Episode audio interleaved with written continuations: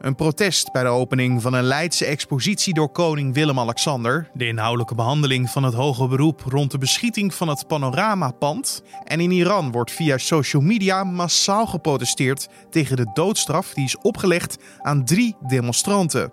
Dit wordt het nieuws. Uh, ga je protesteren? Uh, ga je uh, met name zeg maar rellen, zoals dat dan, dan heet? Dan zullen we zwaar optreden en zelfs de doodstraf opleggen. Dus je moet het ook als een afschrikkingsmiddel zien, deze, deze doodstraf. De autoriteiten in het land hopen dus juist met dit middel de rust te handhaven. Of dat lukt, is nog maar de vraag.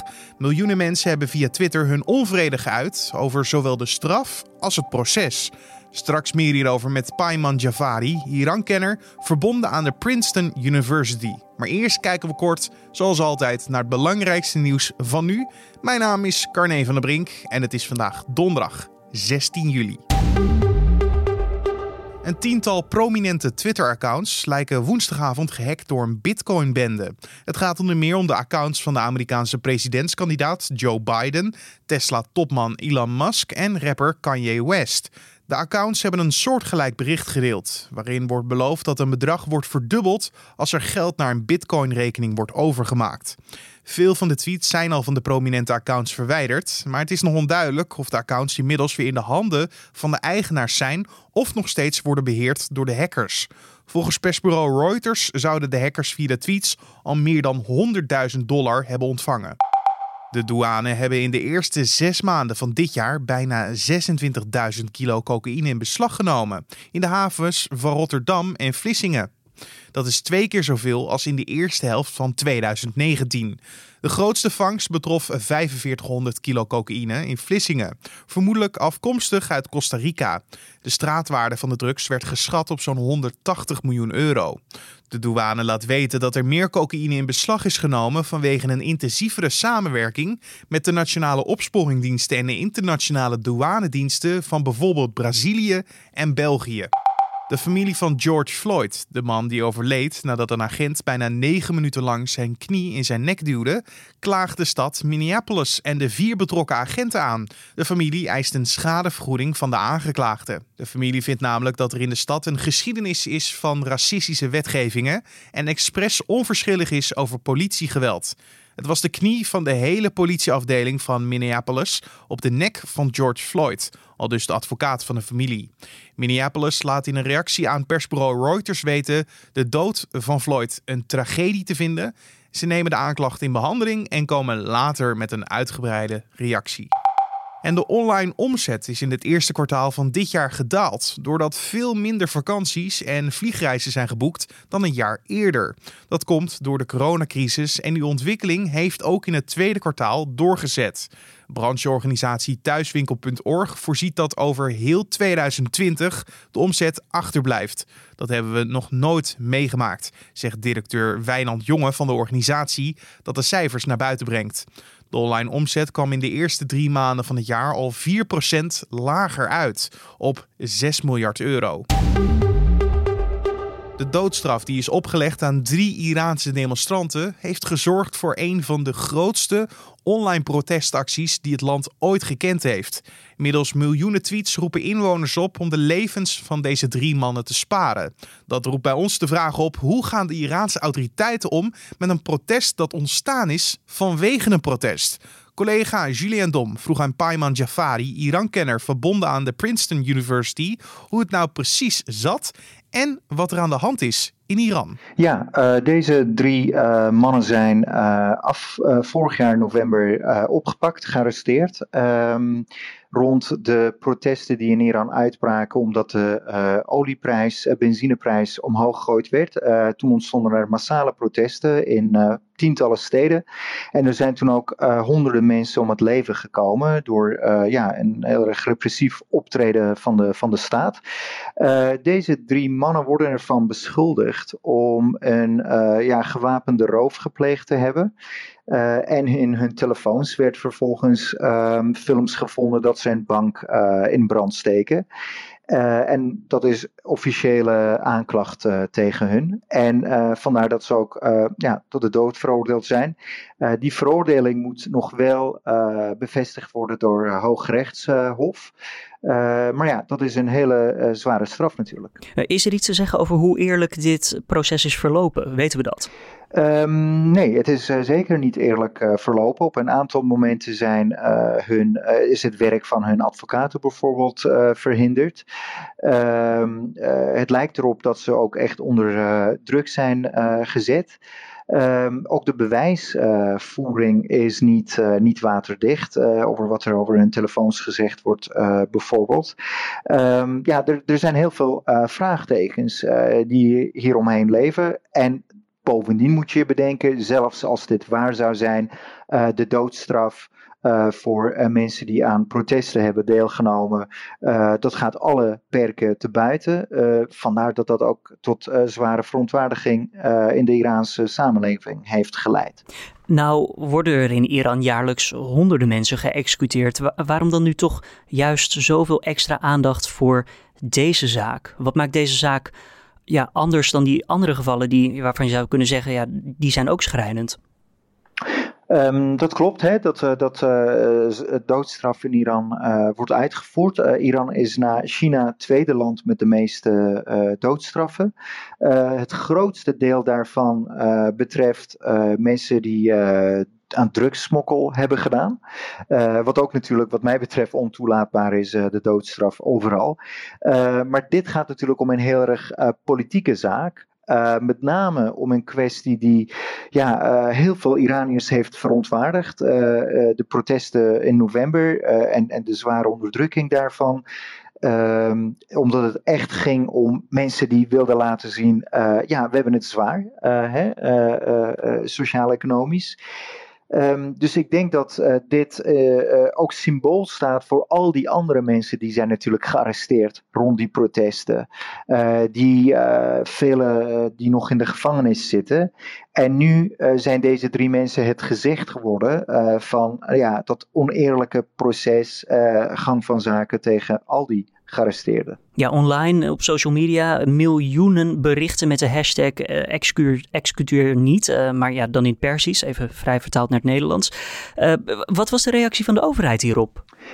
om te beginnen heeft die campagne nu 4 miljoen deelnemers gehad. Hè? mensen hebben dat geretweet. er is echt een tweetstorm daaromheen geweest. Wat ook dus laat zien dat dit echt leeft. Uh, in Iran uh, wordt er natuurlijk ook door de kranten en uh, overheid uh, hierop gereageerd. een deel van de autoriteiten die zeggen van ja, ehm, he, dit, dit, de, deze doodstraf is nog niet helemaal bevestigd, dus loop niet vooruit op de zaak. maar deze campagne wordt natuurlijk gevoerd om dat überhaupt te stoppen. Hè? Want ehm, als die doodstraf er doorheen komt, is het natuurlijk te laat. Ja, het probleem is dat het idee al geopperd is. Ja, zeker. Nee, en, dat is, die doodstraf is ook opgelegd door de, door de rechtbank. Het moet alleen, uh, zoals ik het begrijp, uh, nog, nog bevestigd worden door uh, Hooggerechtshof en dergelijke. Maar ehm, die is wel degelijk opgelegd. en door deze campagne hopen mensen dat natuurlijk te voorkomen. de, de publieke opinie te mobiliseren, dat de autoriteiten hierop terugkomen. En ik hoop dat dat ook gebeurt. Maar hebben de autoriteiten al iets van zich laten horen door bijvoorbeeld te zeggen van los van nou weet je het is nog niet helemaal zeker. Hebben ze ook al iets gezegd we gaan dit aanpakken of we nemen het systeem onder handen of hervormingen komen eraan? Nee, Nee, dat, dat, dat hoor je niet. Uh, uh, je hoort wel uh, de mensen die aan ja, die verandering willen in Iran, aan de, aan de kant van de oppositie staan, in binnen- en buitenland natuurlijk, die dat roepen. mensen in Iran die wat meer in in, het politieke aan de hervormingsgezinde kant staan, uh, die hebben ook geroepen om uh, deze doodstraf uh, in, te, in te trekken. maar officiële ehm, verklaring vanuit de autoriteiten is, is er nog niet, niet gekomen. Zijn de autoriteiten misschien bang voor een ja, nieuwe soort Arabische lente? Want ja, deze keer hebben ook veel Iraanse prominenten zich uitgesproken over ja, deze zaak, over dit, wat eigenlijk niet zou mogen gebeuren in hun ogen. Uh, of, de, of dit kan leiden tot een uh, tweede uh, golf van protesten in Iran, bedoel je? Precies. Ja, dat, dat is natuurlijk de, de, de vraag. Uh, Iran gaat door een hele zware periode nu. Uh, economisch gaat het ontzettend slecht. Uh, de, de, protesten van vorig jaar november waren ook daar een uitdrukking van. de, de inflatie is enorm hoog. koopkracht van mensen gaat echt heel snel achteruit. Um, uh, de corona-epidemie, uh, pandemie, heeft Iran ook zwaar getroffen. vervolgens heeft Iran ook te maken met zware sancties die door de VS zijn opgelegd, die ook enorm op de gewone bevolking drukken. Het klinkt dus bijna als een niet houdbaar standpunt voor de autoriteiten. Het is een heel zwaar standpunt. Vandaar dat ik ook denk dat deze doodstraffen zijn opgelegd. Want uh, men wil ook de boodschap geven. Uh, ga je protesteren, uh, ga je met name zeg maar rellen, zoals dat dan, dan heet, dan zullen we zwaar optreden en zelfs de doodstraf opleggen. Dus je moet het ook als een afschrikkingsmiddel zien, deze, deze doodstraf. Nou las ik dat het internet ook uh, ja, in dergelijke mate is beperkt in Iran vanwege deze social media actie die rond is gegaan. Uh, dat is ook niet een ongewone zaak in dat land, toch? Nee, want je ziet op het moment dat er uh, sociale media campagnes op gang komen, dat de autoriteiten proberen uh, de sociale netwerken, medianetwerken natuurlijk, uh, te vertragen. dat dat minder op gang komt. Dus gisteren zag je in, de, in het aantal internetverbindingen in Iran een, een daling. wat erop wijst dat internetsnelheid en verbindingen op een aantal plaatsen beperkt werd. Want ehm, veel van de mobilisaties vinden natuurlijk online plaats. Ik noemde al het aan, 4 miljoen aantal hè, die deze campagne heeft weten te mobiliseren. Uh, en men is bang dat dat ook natuurlijk uh, doorzet.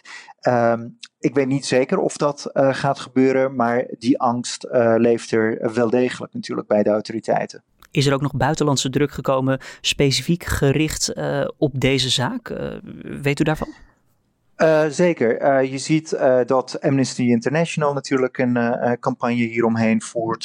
Human Rights Watch hierover heeft getweet. allerlei mensenrechtenorganisaties, bekende Iraniërs in het buitenland die dit hebben gedaan. tegelijk zie je ook dat natuurlijk, ja uit verwachte hoek, uh, Amerikaanse regering en de Israëlische regering ook ja, veroordelingen komen. Uh, maar ja, daar, daar wordt ook soms um, uh, op gereageerd uh, door, door mensen te wijzen van ja, dit is niet behulpzaam en bovendien misschien ook wel hypocriet, want ook in die landen vinden er mensenrechten schendingen plaats. Um, Worden die berichten dan wel serieus genomen? door wie? Door de Iraanse Door Iran, ja? Nee, op het moment dat het uit de VS wordt, uh, wordt de bal uh, van, nou ja, kijk naar jullie eigen protesten, kijk naar een aantal mensen die door beschietingen van de politie omkomen. Op die manier wordt het ja, heen en weer gespeeld. Daarom denk ik dat dat ook niet het belangrijkste is. Het belangrijkste van deze campagne is dat het geluid echt van, vanuit de bevolking komt en van gewone mensen. Die bijvoorbeeld, uh, zoals ik zelf, tegen doodstraf overal zijn. Of het nou in de VS gebeurt of in, uh, in Iran. Uh, en ik denk dat dat een sterkere boodschap is dan dat het komt van Netanyahu of van Pompeo. Want ja, uh, daar kan heel makkelijk naar verwezen worden, ja, wat van de Amerikaanse sancties dan, die ook de gewone Iraanse bevolking raken. Payman Jafari hoorde je daar, Iran-kenner verbonden aan de Princeton University. Nou appte de heer Jafari gisteren nog even met Julien met een aanvulling over dat Iran de straf heeft opgelegd, maar dat ze nu hebben gezegd dat de straf nog gewijzigd kan worden. Wat volgens Jafari gezien kan worden als een reactie op de publieke opinie in het land. En dan vertel ik je nog even wat er verder op de agenda voor vandaag staat. Klimaatgroepen protesteren vandaag bij Rijksmuseum Boerhaven tijdens de opening van de nieuwe expositie Besmet door koning Willem-Alexander. Het protest richt zich tegen de hoofdpartner van het Leidse museum, de olie- en gasmultinational Shell. De actievoerders delen tijdens het protest een aardoliekleurige zeep uit aan pers en voorbijgangers met de boodschap Shell besmet het museum Boerhaven. De actievoerders uit de groepen Extinction Rebellion, Fossielvrij NL en Code Rood roepen Boerhaven op om de banden met Shell te verbreken. En in het hoge beroep tegen de verdachte van het beschieten van het pand van tijdschrift Panorama zal vandaag de feitenbehandeling plaatsvinden. Het Openbaar Ministerie zal het Hof ervan willen overtuigen dat de beschieting van het pand in Amsterdam een gerichte aanslag was. Bewijs dat volgens de rechtbank nog ontbrak. En dan het weer. En het is niet heel positief. Het blijft de hele dag namelijk bewolkt met hier en daar een bui. Pas in de avond klaart het vanuit het noordwesten wat op. Het wordt maximaal 18 graden en er staat een zwakke tot matige westenwind. Vrijdag blijft het droog en breekt af en toe de zon door met ook iets hogere temperaturen. En dit was dan het einde van de Dit wordt het nieuws podcast voor deze donderdagochtend 16 juli. Je kan ons altijd helpen met vragen of feedback te sturen naar podcast.nu.nl. Dat is ons mailadres podcast.nu.nl of een recensie achter te laten bij Apple Podcast. Nou, deze podcast vind je op de voorpagina van nu.nl en in je favoriete podcast app in de ochtend en in de middag. En vergeet je dus ook niet te abonneren op deze podcast, want zo mis je geen aflevering. Mijn naam is Carne van der Brink. Ik wens je een hele mooie dag en bedankt voor het luisteren.